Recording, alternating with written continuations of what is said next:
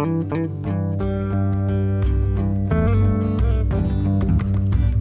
oh six point one Jeronimo Drol Son of Jogja. Assalamualaikum warahmatullahi wabarakatuh. Kaca Jogja. Halo selamat sore. Apa kabar? Sehat? Kaca Jogja. Sore hari ini Wow belum ada air hujan yang uh, jatuh ke tanah kah? Masih agak ada ya? Hujan? Oh oke. okay. Kita ketemu sekarang di sesi Thomas sana sini soal agama nih Kaca Jogja setiap Jumat sore seperti biasa selalu temenin Kaca Jogja buat ngobrol-ngobrol soal agama nih Kaca Jogja. Dan kamu bisa dengerin lewat radio, lewat aplikasi Jogja Streamers atau Jeronimo FM dan cari 106.1 FM ya. Kita baru aja mulai jadi nggak ketinggalan tenang aja.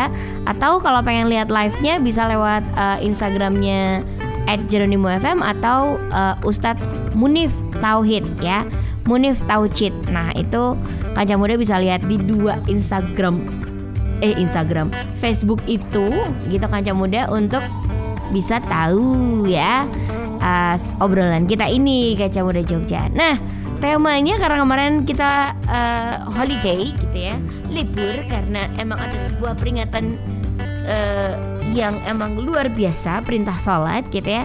Jadi kita mau ngebahas ada jud ada termaktub di dalamnya judulnya. Setiap kita butuh Isra, setiap kita butuh Mi'raj. Kita obrolin sama Pak Ustadz nih, Pak Ustadz. Assalamualaikum. Waalaikumsalam warahmatullahi wabarakatuh, muda. Peristiwa Isra Mi'raj e, ceritanya sudah sangat luar biasa. Nah, yang pertama yang perlu kita garis bawahi Mbak Ella, kenapa kita butuh Isra dan kenapa kita butuh Mi'raj? Karena Rasulullah orang yang sangat mulia, termulia di muka bumi ini. The number one core of the core-nya manusia termulia di muka bumi ini beliau juga ter apa diterpa sebuah kesusahan Mbak Ella. Sadness kesedihan Mbak Ella Nah, ketika beliau diterima sebuah kesedihan ke apa namanya duka cita ataupun istilahnya bahasa sekarang itu galau lah gitu kan, mm -hmm. atau ya pokoknya sadness lah yang nggak enak nggak enak gitu, diperintahkan oleh Allah Subhanahu Wa Taala untuk Isra wal Mi'raj. Nah, nanti kita akan terangkan itu Mbak Ella. Nah, ternyata sekelas Rasul saja itu berbutuh Isra dan Mi'raj gitu kan. Walaupun yang memang Isra dan Mi'raj kan adalah Allah, artinya kita bisa meneladani e, mobilitas beliau Mbak Ella bahwa kita itu butuh Isra dan butuh Mi'raj. Nanti kita terangkan. Nah, okay. ta tapi sebelum itu Mbak Ella, e, ada sebuah apa namanya yang perlu kita setback dulu kalau kita bicara memperingati Isra dan Mi'raj itu adalah kita memperingati tentang ketauhidan kita, tentang keyakinan kita, keimanan kita kepada Allah Subhanahu wa taala. Uh -huh. Jadi kalau Allah itu udah bilang, Rasulullah itu udah pangandikan bersabda, itu kita wajib yakin dan percaya. Walaupun sekali lagi walaupun seakan-akan waktu itu atau saat kita menerima informasi itu baik dari Quran maupun dari hadis Mbak seakan-akan kayak impossible seakan-akan kayak uh, tidak mungkin di logis di logika gitu Mbak Ella tapi kita harus menerimanya jadi Isra Mi'raj ini adalah sebetulnya adalah ujian keimanan bagi kita seorang yang beriman diuji yakin nggak percaya nggak kamu sama Isra dan Mi'raj gitu kan nah ternyata hikmahnya Mbak Ella apa yang ada dalam Al-Quran, apa yang dalam hadis, peristiwa yang terjadi itu memang kadang tidak bisa menjadi orang itu yakin cepet itu hanya butuh hanya butuh iman. Makanya kalau orang itu kenapa sih sarannya amanu dulu Mbak Ela? Bukan ilmu dulu, iman dulu. Oh, iman dulu. Karena kalau ilmu dulu itu ada keba kebaikannya. Kadang orang itu punya ilmunya tapi nggak tetap nggak beriman ada Mbak Ela. Mm -hmm. Pernah suatu ketika ada seorang uh, terkaget-kaget seorang ustadz uh, dia naik pesawat gitu kan uh, kemudian dia ngobrol sama sampingnya mbak Ella seorang mm-hmm. ibu-ibu mm -hmm. uh, terjadi dialog inti dari dialog itu sang ustadz ini kayak dipancing untuk ngetes dia dan dia betul-betul dites sama ustadznya akhirnya tentang bacaan Qurannya, tentang hafalannya. Ternyata dia hafal Quran, bisa menerjemahkan dalam beberapa bahasa, Mbak Ella. Mm-hmm. Bahkan dia hafal beberapa kitab hadis, Mbak Ella. Bahkan dia fasih bahasa Arab. Ustadznya ini juga ustadz top. Keilmuannya luar biasa. Hampir ustadznya mengatakan, wah ini ibu ini keren sekali nih. Di usia yang sepuh seperti ini, beliau itu ternyata luar biasa menguasai ilmu agama itu dahsyat. Bahkan Ustadz ini hampir-hampir tidak percaya kok ada orang yang ibu-ibu kok menguasai ilmu agama padahal usia sudah seperti itu. Menurut dia ini mungkin kalau aku tanya aku yang bisa. Bisa jadi kalau dia tanya ganti aku aku bisa nggak bisa ini karena ilmunya udah habis. Iya, jadi iya. ilmu ustadznya udah habis sudah ditanyain ke sana karena perjalanannya cukup jauh kan ke luar negeri.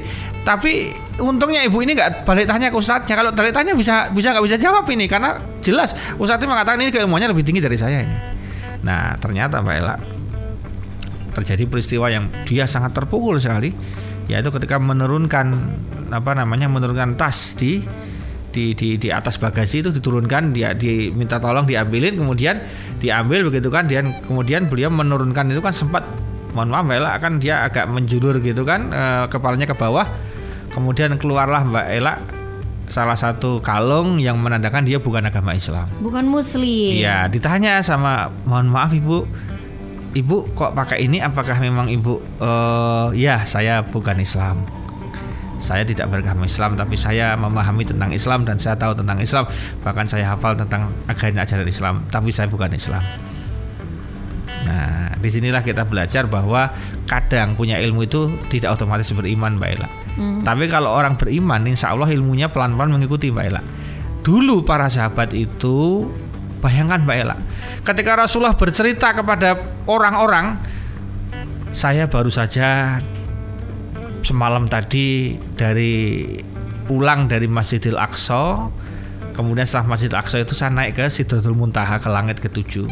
Kemudian saya semalam saya, oh, nih saya tangis sih mungkin begitu kalau bahasa orang Jogjanya tangis sih raup sih gitu kan. Kurang ajar sekali kan. Jadi bisa dibayangkan kan belum ada teknologi belum ada Mbah Google belum ada pengetahuan apa pun tiba-tiba Rasulullah menceritakan aku baru aja pulang tadi dari sini dari Masjidil Haram aku tadi berangkat ke Masjidil Aqsa sama Masjidil Aqsa kemudian aku naik ke Sidratul Muntaha. Siapa bakal percaya Mbak Ella? Nggak ada kecuali sahabat ring satu yang percaya dan istrinya beliau. Abu Bakar aja saya kalau yang ngomong Rasulullah saya percaya bahkan lebih dari itu lebih parah dari itu saya masih per- saya tetap percaya bukan masih percaya saya masih saya tetap percaya Mhm. Loh, dari mana logikanya? Ini loh, mbok ya didelok hari gini sampai Masjidil Aqsa cuma semalam aku naik ke Sidratul Muntaha. Ini apa-apaan ini? Ya toh, friend, iya kan? Iya kan, Bro? Gitu kalau mungkin orang sekarang. Ya memang waktu itu belum belum terpikirkan dan belum ada teknologi yang bisa menguak itu, Mbak Ella. Mhm. Jadi ini tamparan keras bagi kita umat akhir zaman. Kalau umat akh- umat awal zaman waktu itu menolak tidak percaya atas kejadian yang terjadi pada Rasulullah itu walaupun salah dan dosa Mbak Ella ada sedikit toleransi Mbak Ella. Kenapa? Karena waktu itu memang belum menjangkau. Tapi nek sekarang anda nggak percaya, wah itu jelas parah itu. Karena sudah teknologinya sudah sangat menjangkau. Bagaimana sekarang yang namanya dari satu pulau ke pulau lain, dari negara satu ke negara lain hanya dalam hitungan jam itu bisa sekali. Apalagi kalau pesawatnya supersonik atau mungkin jet super atau apa namanya, bahkan pesawat yang ulang alik itu kan luar biasa. Apakah ada mesin waktu yang mengantarkan pesawat zaman sekarang? Ya, gitu kan. Jadi jadi sekarang sudah masuk akal ke dari Masjidil Haram ke Masjidil Aqsa naik pesawat ya, ser gitu Ella. Kalau zaman dulu naik onta, naik anu kan nggak nggak masuk akal tuh. Makanya mereka nggak percaya itu ya memang karena satu memang nggak beriman ya. Yang kedua memang secara logika memang agak susah waktu itu. Tapi namanya sahabat, percaya dulu, yakin dulu itu nomor satu. Nah maka kalau kita punya masalah kanca muda, yang paling penting yakin dulu Allah menolong, yakin dulu bahwa Allah akan memberikan jalan keluar, percaya dulu bahwa Allah maha segala-galanya. Itu dulu yang dipakai, nggak usah dipakai logika. Nah pakai logika mirip seperti orang-orang zaman Rasulullah dulu. Apa ya mungkin? Uang kere so sugih. Nah, ini sudah. Apa ya mungkin? Utangnya sama nunjuk lunas cepet banget. Nah, ini kan pakainya logika. Ya seperti Iya, orang-orang betul. zaman dulu. Apa ya mungkin? Uang rupanya kau untuk uang ayu. Apa ya mungkin? Apa ngimpi gue? Wah, udah gak karu-karuan. Kalimat-kalimat itulah yang kemudian menjadi doa juga yang akhirnya memang nggak mungkin terjadi, Mbak Ella. Tapi bagi orang-orang yang positif, ya Allah aku yakin kau maha takdir ada di tanganmu kau maha segala-galanya ya Allah. Meskipun dia cantik secantik-cantiknya kayak apa pun, kalau memang dia, ditakdirkan untukku ya Allah, engkau remote hatinya untukku ya Allah, dia pasti akan ke depan kepadaku ya Allah. Amin. Ya pede aja. Dan sudah banyak bukti perempuannya cantik, laki-lakinya mirip cuilan bu itu juga sering ada gitu kan. Ya mohon maaf ya ini ini perumpamannya nggak jelek, tapi itu faktanya banyak terjadi. Bisa jadi dia wiridnya kenceng, doanya pada Allah kenceng, itu juga terjadi. Mhm. Dan bukan tidak mungkin sekarang ini banyak sekali orang-orang yang super miskin, tiba-tiba Allah tar- karuniakan menjadi kaya raya. Makanya sekarang kalau ngomong sama-sama ngomong, piye mas, kapan deh omah? Bismillah, insya Allah tahun ngarep, insya Allah rasui meneh daripada piye mas, kapan deh omah? Embuh mas, eh, iki ra cetha iki kondisi ekonomi pandemi kok ngene iki embuh iki penghasilan sak mene. Wis aku rame ke rumah mas. Sama-sama ngomong loh ya, sama-sama jawab loh ya, Mbak jawab yang positif, betul nggak? Itu harus dilakukan. Nah, itu jadi latar belakangnya apa? Isra Mi'raj itu peristiwa keajaiban gitu Mbak Ela. Nah, kita kanca muda butuh Isra dan Mi'raj. Nah, apa itu? Nah, Isra. Kalau kita bicara Isra itu saya lebih mengistilahkan goes out perjalanan yang sifatnya itu eh, apa namanya Mbak Ela? Kalau yang begini namanya apa Mbak Ela? Vertikal atau horizontal? Yang lurus itu? Oh, horizontal. horizontal. Jadi kita itu butuh kalau kita sedang punya masalah, trouble, persoalan, kejadian yang nggak enak, kita butuh bergeser Mbak Ela. Jangan di situ terus.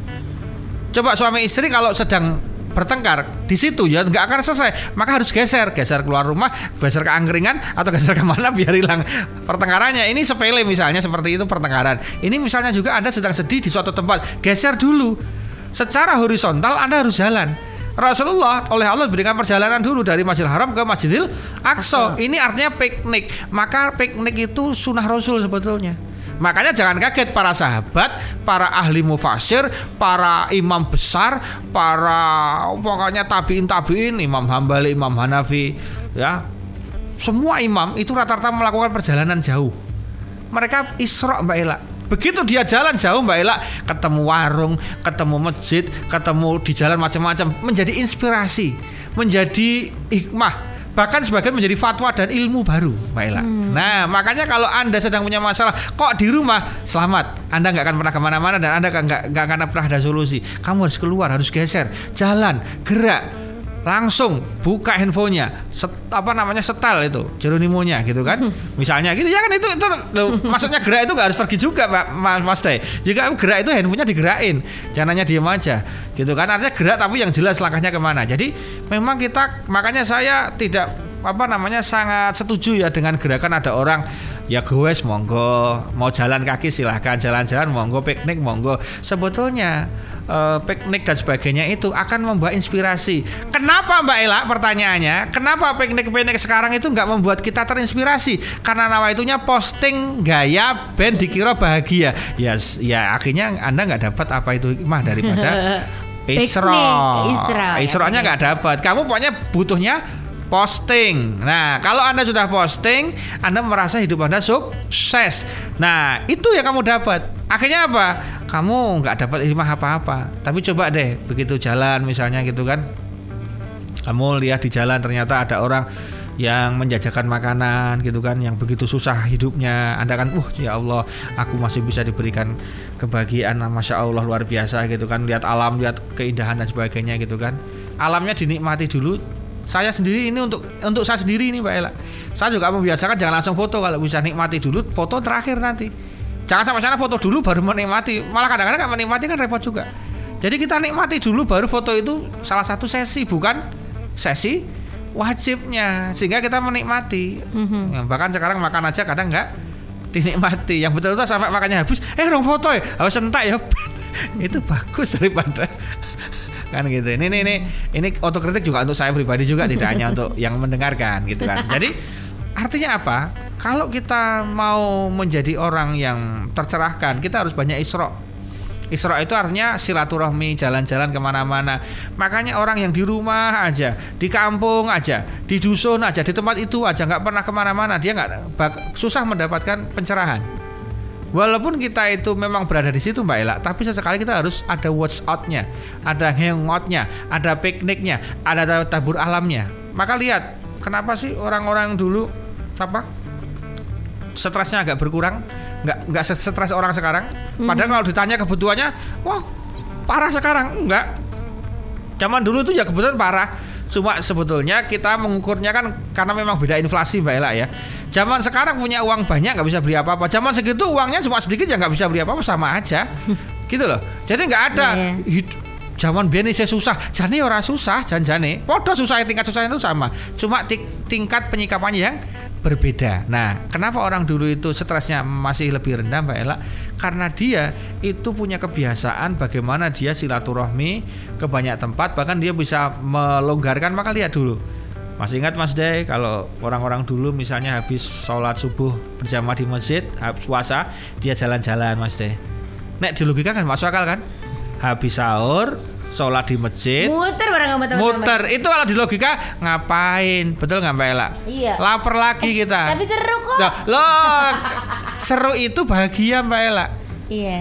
Ya seru itu bahagia. ada. Lah, lah, lah dari situ ada udah berkurang. Makanya sekarang kita harus menciptakan kebahagiaan sendiri diri sendiri dengan keluarga kita sendiri tanpa harus kemudian apa namanya. Jadi apa ya?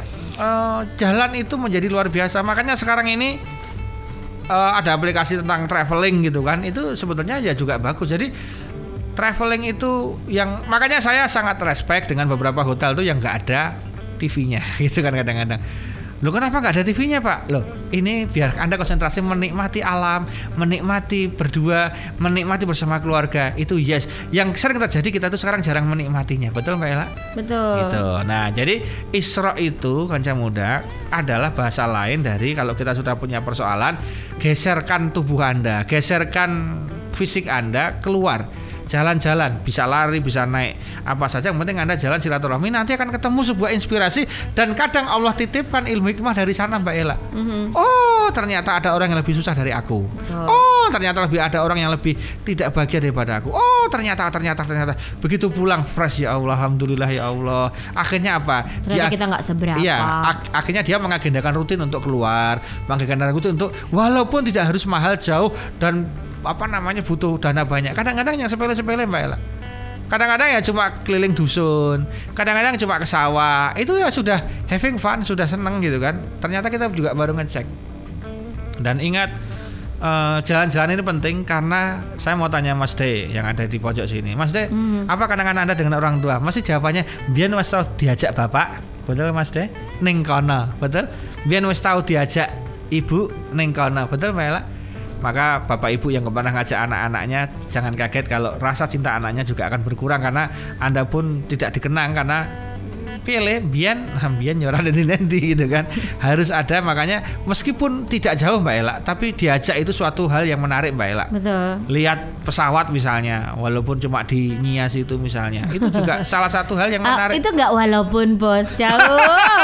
itu nggak walaupun Iya, iya, kalau iya. ke bandara situ. Alah, iya, itu maksud saya gitu. Loh, eh, saya ngomong ini untuk saya semua yang dengarkan dari Kulon Progo Mas Oh, ya. iya, iya, iya. Ini kontaknya yang yang ada di sana, Tante, sana. iya itu niat Pak Ustad. Ya, ya, maksud saya tidak harus yang kemudian harus nginep lah, iya, harus bekalnya banyak. Kadang-kadang apa on the spot aja. Nanti Ki sarapan, yuk Rono Rono Rono jalan aja dia. Dan tidak harus pakai mobil sekali lagi kancang muda. Adanya sepeda ya sepeda, Motoran, motoran ya. sepeda, Loh, gitu ya. jangan kaget ya. Ternyata semuanya menikmati. Sekarang ini sudah all segmen. Jadi orang sekarang nggak nggak lihat tumpaan anda apa, kendaraan anda apa, tapi lihatnya anda pernah ke mana gitu kan. Itu sekarang yang menjadi apa namanya menjadi tren begitu. Nah maka Isra itu perjalanan spiritual artinya apa? Kamu piknik ke mana saja monggo, silaturahmi ke mana saja monggo, ketemu siapa saja monggo, mau jalan ke mana saja monggo, tapi ingat harus ada amal solehnya di sana. Keluar rumahnya berdoa, usahakan nanti mampir sholat. Ketika anda jalan-jalan jangan lupa doa. Doa ketika jalan-jalan itu mustajabah doa ketika piknik itu mustajabah. Kenapa? Karena orang kalau pas jalan-jalan pas piknik enggan berdoa. Doa. Makanya itu mustajab. Maka kalau Anda sedang piknik bareng-bareng, senang-senang itu Anda depis di pojokan masjid walaupun Anda sedang jamak kosor sekalipun nggak masalah, kamu doa. Anda sedang di atas kendaraan, Anda berdoa. Doanya mustajab itu Mbak Ella. Nah, jadi kalau ada orang-orang sekarang senang jalan-jalan Mbak Ella, dia sedang isrok sebetulnya. Mhm. Hanya saja isinya harus disyariahkan. Ya isinya ada syariahnya artinya ada sedekahnya di sana Mbak Ela sholatnya jangan ditinggalkan Mbak Ela syukur ada tilawahnya juga keren. Malah kalau mau perlu pas jalan-jalan itu kemudian ada sedikit kajian agamanya rakyat yang 5 menit. Eh, orang ustad apa moco ya oleh diskusi ya boleh misalnya. Eh tadi lihat itu enggak? Sepasang kekasih tadi itu itu ternyata belum menikah ya? Ah, kita harus hati-hati anak-anak kita kita jaga jangan sampai seperti itu. Ya betul betul itu menjadi menarik Mbak Ela itu bukan gibah Mhm. itu adalah sebuah kajian di satu komunitas yang sedang jalan piknik gitu kan Ya, yang kita jadi masalah piknik itu ngerasani tangga nih, ngerasani wong liya orang ngerasani sing ngopi-ngopi. Lah jadi nara piknik jadi ora isra ning gue jadine apa ya, mbah jenenge. Si Isra lagi gibah. Iya, gitu ya. Gitu. Jadi eh, alhamdulillah kita oleh Allah Subhanahu wa taala diberikan pelajaran dari Isra Mi'raj gitu kan. Nah, Isra itu kan perjalanannya jelas apa nanti horizontal ya dari Masjid Haram ke Masjidil Aqsa, dua tempat suci di mana kiblat orang Islam pernah di kedua-duanya Mbak Ela. Dulu pernah orang Islam itu sholat menghadap ke Baitul Maqdis atau Masjid Aqsa, kemudian direvisi, kemudian eh, berpindah ke Masjidil Haram gitu Mbak Ela. Jadi dua tempat suci. Artinya apa? Mau ke mana saja silahkan, tetapi bahwa tujuannya adalah agama gitu kan Mbak Ela. Usahakan misalnya kamu main ke mana, mampir masjidnya ada usahakan walaupun beli oleh-oleh ngasih sedekahnya ada. Jadi kalau kamu ada tukang parkir kasihnya jangan 2000 kalau Anda pas piknik 5000 10000 kemudian sambil bilang Bismillah gitu kan, saya niat sedekah. Monggo mas, mas, wah terima kasih bos. Ternyata hidup itu indah. Kalau anda sering jalan-jalan, anda nggak akan pernah susah. Karena apa? Anda misalnya, kue jadi apa? Alhamdulillah, saya sudah jadi bos. Bukan aneh tenan. Nah buktinya apa? Buktinya kalau aku ngasih uang tukang parkir dia bilang makasih bos, aku sudah jadi bos. jadi harga bos itu cuma dua, tiga ribu, lima ribu, sepuluh ribu. Bisa, bisa, Bisa santai, jadi ya kan? bos. Jadi jadi bos itu tidak harus susah ya. Tinggal anda ngasih uang ke tukang parkir sudah jadi Bos. bos, gitu kan. Jadi ah, itu terjadi karena kalau kita mir apa? Isra. Isra. Kalau Nah. kita Isra itu ketemu sama gitu-gitu ketemu. Oh iya ya. Ya, ya, Ya, ya. Jadi permasalahan itu bukan punya kamu aja, mungkin punya banyak orang. Kita harus lihat Hmm. ke bawah atau lihat sesuatu yang lainnya supaya kita bisa cari cara Nggak menyelesaikan usah ya. Bang. jauh-jauh ketika kamu sumpah lihat rumahmu ya. Kalau dari dulu kita nggak pernah meningkat rumahnya ya cuma ukurannya 100 gini mbok ya ditingkatkan ya. Tingkat ke piye mau kanan kiri dalan atau tingkat ke piye. Wah, kelihatannya sumpek ya gitu kan. Sama suaminya diajak jalan-jalan. Ayo, Mah, kita cari gorengan. Yuk cari. Kemudian diajak atau maksudnya lewat neng daerah Ya ada kan di Jogja tempat-tempat ya tempat-tempat yang rumahnya itu sangat-sangat sederhana bahkan Muepet- mungkin- muepet Wah, lewat ke kono rindik-rindik gayane malah tuku gorengan kono sisan. Goreng gitu kan. Ning kene ya mah ben sahdu jane ora sahdu jane arep mengenai pelajaran bojone.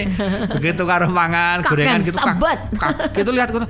Duh Mas, masih lihat sama anak kayak dinggo wong akeh. Wah, anaknya telu. Limo. Kayak Mas lho, ketoke ora meng anake kayak ono padine bareng. Wah, ya iso ya Mas urip ning kono. Ya iso wong kono iso apa nang awake dhewe. Oh, oh ya Mas. Iya, Nah, alhamdulillah muncul dari sana. Itu Mbak. Kalau mau keren lagi ya diajak naik apa Mas Deh? Kereta api. Neng Jakarta kono, ndeloke sing omah-omah sing kota-kota saka kerdus kae.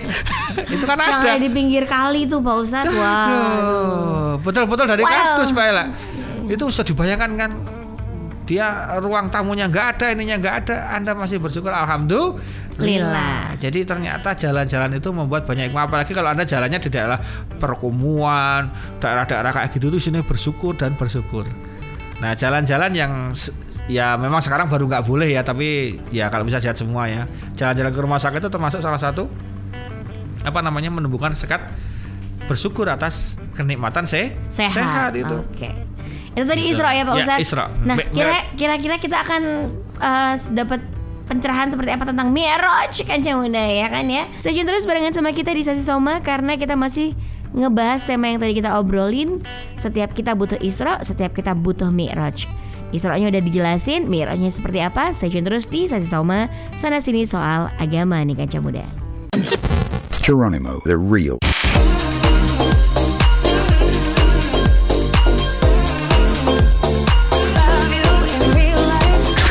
Sound of Jogja.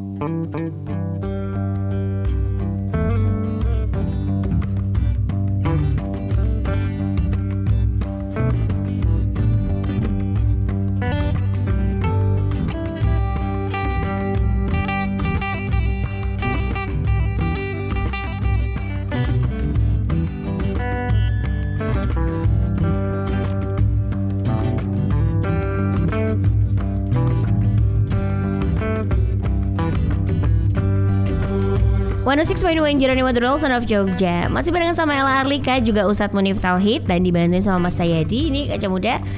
Eh, Kalau Kaca Muda mau lanjutin nonton Lewat Facebooknya Jeronimo FM Dan Facebooknya Ustadz Munif Tauhid Ada kita Kaca Muda. Bisa stay tune dan lihat kita di situ gitu. Dengan tema eh, Setiap Sebentar, sebentar tulisannya apa? setiap kita butuh Isra dan setiap kita butuh Mi'raj. Bukan Isra yang ada di uh, Unyil ya. Itu Isra. setiap kita butuh Mi'raj. Maksudnya gimana tuh Pak Ustadz? Kalau tadi kita punya hubungan yang uh, horizontal, sekarang berarti kita punya hubungan yang vertikal dong. Ya, jadi kalau Isra bisa pakai wuling tadi ya. Salah satu. ya, bisa pakai itu. Hebat Oke. ya bridgingnya ya, udah mulai jadi penyiar loh. Ya, sekarang kita bicara Mi'raj kan yang mudah. Betul. Nah, kalau Mi'raj itu artinya kita ekstase naik. Nah, jalan satunya naik bukan eh, kenapa kita butuh naik, Mbak Ella. Begini, kalau Isra kan tadi pakai wulingnya itu kan kita lihatnya datar, Mbak Ella. Ya. Horizontal aja, betul?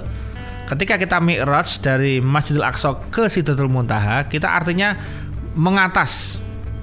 Mengatas Mengatas itu artinya mengudara, mengudara. Nah, menaik menaik. Baik. Nah, gini Mbak Ella, kalau kita pakainya mobil, kita lihatnya itu kalau misalnya tol aja, kita lihatnya kan yang depan. Begitu jalannya belok dikit kita nggak udah nggak tahu, betul atau betul? Kita harus ke sana dulu. Nah, begitu kita mau naik pakai helikopter atau pakai pesawat, Kita semakin tinggi kita merasa bukan siapa-siapa. Semakin tinggi kita merasa bisa, oh ternyata luas ya. Ketika ditolak sama cewek, walah cewek itu cuma di situ itu rumahnya. Dunia luas kayak gitu. Di sana sana sana sana masih banyak cewek. Misalnya dia seorang cowok. Sama ketika seorang cewek ditolak sama cowok, alah cowok itu rumahnya cuma bawah itu. Sana sana masih banyak sekali. Itu satu kota itu berapa cowok isinya misalnya. Akhirnya kan dia termotivasi. Oh, kalau rezekinya nggak dari sini mungkin di sana. Pokoknya dia semakin naik menggunakan udara itu kan semakin PD-nya semakin tinggi, semakin oh ternyata luas gitu kan. Nah, itu bahasa yang simpel. Tetapi yang sama maksud Miraj di sini, ketika kita naik artinya apa? Kita adalah menghubungi Allah Subhanahu wa taala. Kalau Rasulullah itu naik itu bertemu Allah Subhanahu wa taala mendapatkan kado spesial berupa sholat lima waktu. Nah, cukup kita menggunakan kadonya sudah seperti Mi'raj. Jadi cara Mi'raj kita itu memperbaiki sholat lima waktu kita. Sebetulnya cuma itu. Begitu kita memperbaiki sholat lima waktu kita, itu insya Allah kemudian kado terindah dari Allah berupa sholat tadi yang diberikan khusus kepada Rasulullah dan kita sebagai umatnya, itu nantinya akan kemudian membuat diri kita itu melampaui segalanya. Artinya begini, kita bisa menggunakan helikopter laksana helikopter yang lebih helikopter daripada helikopter. Kita bisa menggunakan jet yang lebih spesial super jet daripada jet yang ada. Karena apa? Kita miras ketemu sama Allah langsung, kita nego sama Allah langsung, kita lobby sama Allah langsung, kita minta langsung kepada Allah Subhanahu yang menguasai segala-galanya. Nah, jadi orang-orang kalau cuma piknik tok, nggak ada sholatnya, nggak ada tahajudnya, nggak ada duhanya, nggak ada wiridnya, nggak ada menghadap kepada Allah ke langit, nggak menadakan tangan ke langit, itu mi'rajnya, isra-nya itu sia-sia. Hmm. Jadi capek tok isinya. Begitu piknik Padahal Allah lagi kasih bonus ketika Isra ya. Ya, ketika dia Isra keluar uangnya dan sebagainya. Kalau dia nggak mi'raj, itu nanti dia cuma isinya gerundel. Hah, ngajak bojo mengen akeh, anak-anak mangan teh akeh, Hmm. moro tuwa yo akeh le mangan, malah bapak akeh mangan teh akeh. Ah, nyambut gawe sprono sprene entek ping dienggo kabeh pangan anak. mandek dituku. Nah, kabeh. ya. Tapi kalau orang yang dia sudah mi'raj Mbak Ella, alhamdulillah ya Allah. Rezekinya tambah barokah mudah-mudahan. Nah, ternyata ini ada rumus menarik. Ayo ayo ini rahasia kan yang mudah. Tapi bisa dibuka. Bisa Anda coba ya. Kalau Anda mi'raj itu artinya apa? Anda fokusnya kepada langit. Kalau bicara langit, langsung aja kita sebut akhirat. Oke, Mbak Ella. Kalau bicara akhirat kita sebut dengan pahala, oke? Kalau kita bicara Isra itu bicara dunia. Kalau dunia itu kita sebut dengan pahala itu adalah cashback, kembalian, uang, harta atau apa pun yang sifatnya material. Jadi kalau kita bicara mi'raj, kita bicaranya akhirat, kita bicara pahala, kita bicaranya kepada Allah Subhanahu wa taala yang sifatnya keakhiratan. Kalau kita bicara Isra itu lebih kepada kebendaan material duniawiyah senang-senang gitu kan Mbak Ella. Nah, harus kita gabung Mbak Ella. Nah kalau kita kemudian bisa menggabungkan dua-duanya itu insya Allah luar biasa. Contoh ini bisa di ini rahasia tapi bisa dicekkan. Jadi ketika anda nawa itu piknik itu sebelum kamu lakukan Isra, kamu niatkan Mi'raj juga. Ya Allah, izinkan aku ya Allah membahagiakan kedua orang tuaku ya Allah. Aku kerja ini ya Allah, aku ingin nanti sebagian rezeki ini aku bikin bapak ibu bisa jalan-jalan sama aku. Amin. Aku bikin istri bisa tersenyum ya Allah. Aku bikin anak-anak juga bisa bahagia ya Allah. Begitu si laki-laki sudah punya niat Isra apa Mi'raj walaupun caranya dengan Mi'raj nantinya. Jadi aplikasinya kan pakai Isra nih Mbak Ella. Aplikasi yang digunakan membahagiakan. Tapi dia enternya pakainya Isra. Apa pakainya Mi'raj Mbak Ella ke atas. Jadi dia doa dulu, niat dulu, sholat dulu, tahajud dulu, duha dulu, wirid dulu, kemudian dia terjemahkan dalam bahasa ingin membahagiakan itu. Ternyata Mbak Ella, jangan kaget ketika kita punya niat mau membahagiakan keluarga, membahagiakan orang tua, membahagiakan ini itu, itu tiba-tiba Allah kasih apa? Kemudahan banyak hal. Mhm. Mudah cara memperoleh rezekinya, Amin. mudah cara dapat proyeknya, karena nawainya udah ke sana. Tapi kalau nama itunya sudah nggak benar Mbak Ella, kelihatannya mudah dia pakai nyogok sana nyogok sini lebih sana lebih sini. Nanti ada aja masalahnya kena kejaksaan, kena kepolisian, kena KPK. Itu. Tapi kalau nawa itunya benar Mbak Ella, Allah akan atur kamu nggak usah ke sana ke sini aja. Kamu nggak usah cari itu yang cari sini aja. Ingat ya, ada teori saya masih ingat dulu ada Cak Nun itu punya teori namanya teori ladang jagung Mbak Ella Apa itu Pak Ustadz? gini. Jadi orang yang tidak tahu ilmunya itu begitu ada ladang jagung, begitu dikasih sama Allah ladang jagung, maka mereka berlari-lari mencari jagung. Takut nggak kebagian? Wah nanti kalau habis gimana? Orang yang cerdas, punya keilmuan, punya keimanan, dia nggak ikut berebut untuk mencari jagung. Dia cukup mendatangi yang punya jagung. Selonun pak gitu kan. Kalau yang punya jagung itu bapak-bapak misalnya. Nah kemudian dia ngajak ngobrol bapaknya kemudian dia berusaha nyenengin bapaknya itu. Dia pijitin gitu kan. Hmm, dipijitin bapaknya dibikinkan minum. Apa pak pijitnya. Pijitnya sampai seneng sampai enak sekali. Nanti tidak usah kita minta. Kita sudah ditanya sama bapaknya yang punya jagung. Loh kamu kok mijit-mijit aku terus? Apa kamu nggak pengen jagung? Gak pengen Oh, pengen. Enggak, kalau nggak pengen. Ya udah kalau kamu pengen, nggak usah aku rebutan. Kamu masih punya ladang di belakang sana. Mereka nggak tahu tak kasih yang di belakang. Jadi banyak sudah ladangnya bagus, nggak banyak yang nyari. Dia dikasih bisa private. Ya, nah, ya, kenapa kita nggak mau private? Ikutnya rebutan aja gitu kan? Seru. Ya bukan masalah serunya. Kalau seru itu sudah zaman anak-anak. Zaman sekarang kita butuh privasi. Kalau nggak percaya sekarang coba bos-bos itu pengen makan di restorannya sudah nggak bareng orang, dia sudah privasi. Kadang satu restoran dia booking hanya untuk beberapa orang. Sering kan kejadian seperti itu. Dia butuh privasi. Nah saatnya kalau kita lihat teori jagung kita nggak usah rebutan jagung. Kita rebutan mencuri hatinya yang punya jagung. Kita rebutan mendekati yang punya jagung. Nanti insya Allah tanpa diminta sang yang punya jagung itu akan memberikan jagung pada kita. Nah kita jangan berebut harta, tapi kita mendatangi yang punya harta. Kita sowani yang punya harta. Kita bermesraan yang punya harta. Tanpa diminta insya Allah nanti yang punya harta itu tiba-tiba ngasih ini kamu yang ini aja. Yang itu itu udah hartaku udah udah. Usah kamu yang ini khusus. sesuatu yang ribet. Ya itu itu itu, itu kan Kok nggak ada yang nggak ribet? Nah makanya Isra itu tadi perjalanan Kalau Mi'raj itu perjalanannya ke atas Ke atas itu jalan, cara jalannya adalah lewat ritual Lima waktu itu Nah semakin kita bagus sholat lima waktunya Dari durasinya dari timing-timingnya yang awal waktu, dari polanya jamaah, atau paling tidak dia bisa melaksanakan tanpa tergesa-gesa, dari menyempurnakan sholatnya itu kemudian itu tergambar jelas dalam dirinya ketenangan yang muncul, sehingga isroknya nanti nggak sia-sia Mbak Ella, karena ada mi'rajnya. Jadi Isra dan Mi'raj ini harus disambung. Kalau terputus nggak bisa. Orang yang Mi'raj terus tanpa Isra, ya juga nggak benar di dalam mihrab terus sholat puasa ngaji Nggak usaha. nggak pernah usaha nggak keluar rumah nggak ke mana-mana ya kurang sae Assalamualaikum Waalaikumsalam Mi'raj terus tapi melihara tuyul. ajak Gimana? temu di Salah. niki madosi Mbak Ela antar mboten ah mboten sah Mas niku mboten tau metu saking omah Nggih. Nggih ngopo turun apa nggih mung salat salat salat salat salat salat tok niku isine. Lho, ha niki sing ngenai mangan nggih kanca-kanca tangga-tangga kok niki lho. Jadi salatnya itu bener, tapi karena yang melaksanakan salah jadi salatnya ikut-ikut salah toh. Padahal sholatnya udah bener loh. Ternyata sholat itu bener, tapi nek sholat, sholat, sholat, sholat, sholat, sholat terus itu kan jadi seakan-akan image-nya nggak bener kan? Berarti sholatlah kamu, ngajilah kamu, puasalah kamu. Bahkan ini yang mohon maaf sekali. Ini tak buka di sini bahwa ibu saya itu kan gerah ya. Iya. Nah mungkin ya tak kabeh takdir dari Allah ya. Mungkin salah satu salah satu saya tidak tahu yang persis tapi mungkin saja kenapa dalam agama itu nggak boleh puasa terus Mbak Ella. Puasa terus itu berarti setahun puasa terus. Ibu saya itu puasa Daud Mbak Ella, sehari puasa sehari enggak. Hanya saja Mbak Ella, pas dia puasa, kadang-kadang dia bukanya itu nggak segera buka. Hanya mungkin minum sebentar sama gorengan atau apa, udah nggak makan sampai besoknya. Ketika dia jadwalnya nggak puasa, jadwalnya off puasa, beliau kayak orang puasa. Makanya ya seperti orang puasa. Jadi dia tuh seakan-akan puasa sepanjang masa Ah, kena Oh, ya gitu. sakit itu. Saya juga menyesal. Kenapa saya nggak memaksa ibu waktu itu? Padahal kalau pas ketemu saya tak kontrol terus.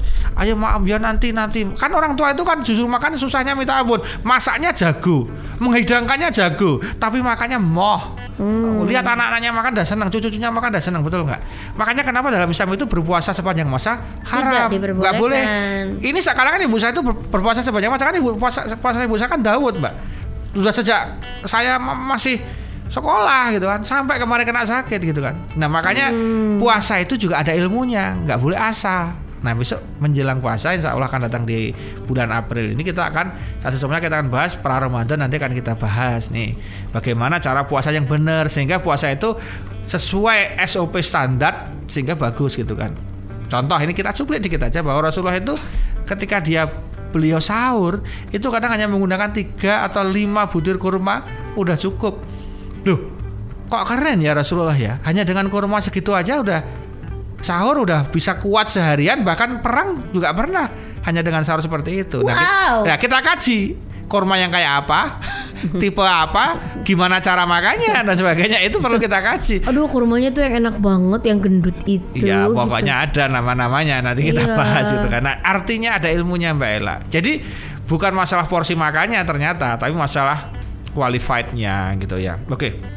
Oke, Nah. berarti memang memang ka- kalau Isra itu ke eh, apa namanya Ya, horizontal, saya lebih ke- saya lebih menyebut Isra itu hubungannya dengan duniawiyah, material, watch out, mencari hikmah dengan jalan-jalan dunia. Kalau dunia itu get the point-nya adalah material, rezeki. Ya, ya, kalau ya. akhirat itu apa kalau Mi'raj itu akhirat, get-nya adalah pahala, ampunan, surga gitu. Oke, berarti memang memang Allah tuh mengingatkan terus sebenarnya. Betul. ya. Hablu minallah, hablu minanas, Yes. gitu kan ya.